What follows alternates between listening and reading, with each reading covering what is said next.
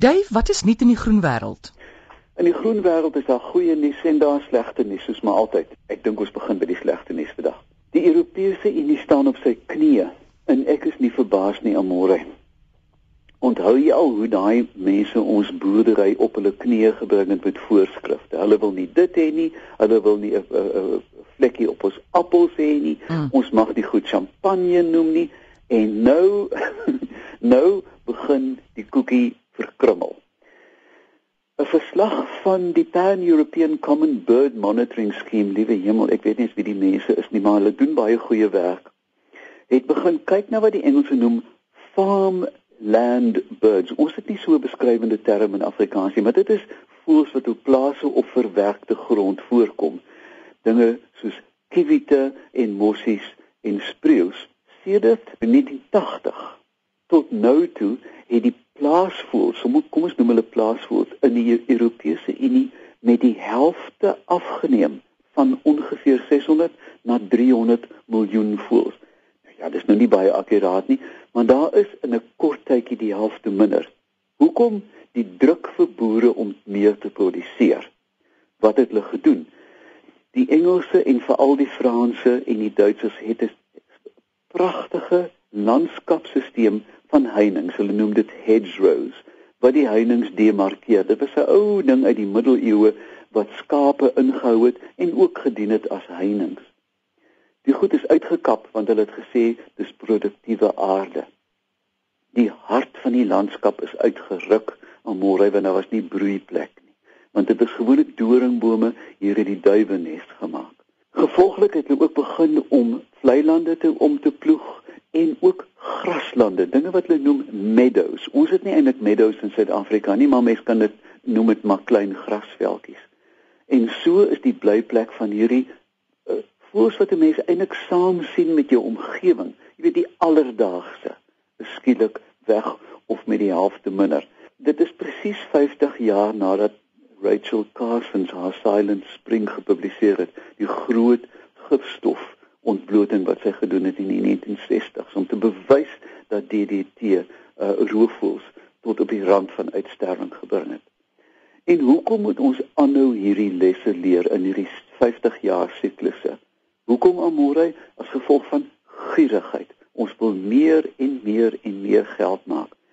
En hierso lê vir ons natuurlik 'n les in Suid-Afrika.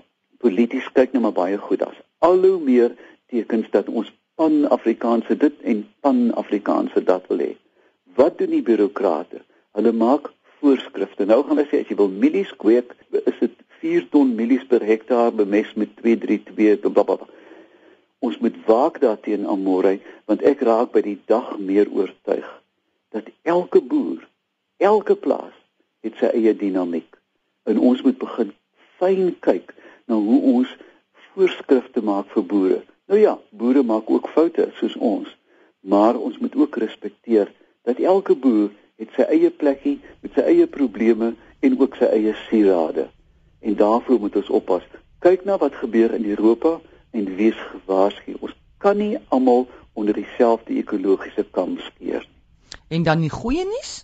Jy sal onthou dat ek al gepraat het van my vriendin Marie Viljoen in New York wat sulke daktuine maak. Mm. Nou ja, die vrou sal weer aan die woeker sy het nou begin met 'n skoonmaak aksie in 'n klein ou parkie met die naam van Prospect Park. Almal weet nou van eintlik van Central Park. Sy is 'n soeker na veldkos. Sy eet blaartjies in in in bolletjies en goed wat sy in die hart van New York uitgrawe. En toe sy nou gaan stap in Prospect Park, toe sien sy daar is meer kondome en en en chipspakkies en nie weet hoe weet wat as wat daar eetbare goed is.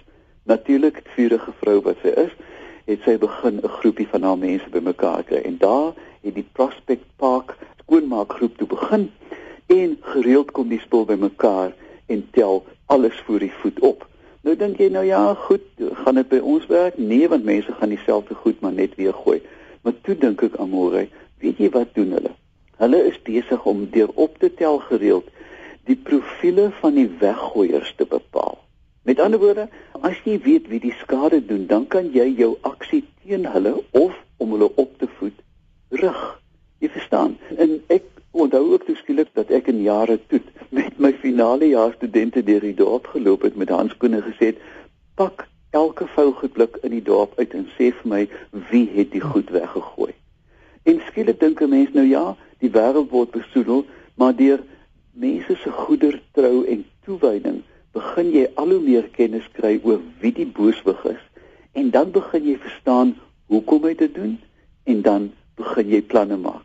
So dis 'n lekker goeie nuus, né? Dit is man, maar kan jy dalk vir my 'n voorbeeld gee? Hoe sal mens hierdie mense by Prospect Park, hoe sal mens byvoorbeeld nou hulle gedrag kan verander as jy nou Kijk, kom ons eh, transponeer dit byvoorbeeld na die Kompanjetuin in Kaapstad. Nou kan jy sê, kom ons pak die vougoedblikke uit en ons tel ook die goed. Kom ons kyk wat gooi mense weg. Hoe naby middagete gaan jy wegneem? Etes kry. Met ander woorde, dit gaan kantoorwerkers wees, Jan hmm. Alleman wat nou nie in die restaurant eet nie, maar tog 'n kosie koop en dit dan in die vougoedblik gooi. Maar dan gaan jy begin sien, is dit lekker papiere? Né? Nee? Dan kan jy dadelik begin dink, maar dis 'n jonger man. Ek stap in Mariesburg die ander dag. Daar uh, loop 'n jong kind voor my en tjoef gooi 'n papier weg. Ek dink jou klein bliksem. Ek stap, ek sê verskoon my asseblief. U sê ek vir hom het 'n papiertjie laat val. Hy kyk op hy sê as 'n lekker papier. nou kan ek na die skool toe gaan en sê besef julle dat iemand moet julle papiertjies optel. Jy verstaan? Met hmm. ander woorde, ek kan dit draai ten goeie. En een of ander tyd gaan ons die stryd wen. Ons moet net weet wie dit doen en hoekom hulle dit doen. So gesels Dave Peppler en jy kan hom kontak by oompie by iafrica.com.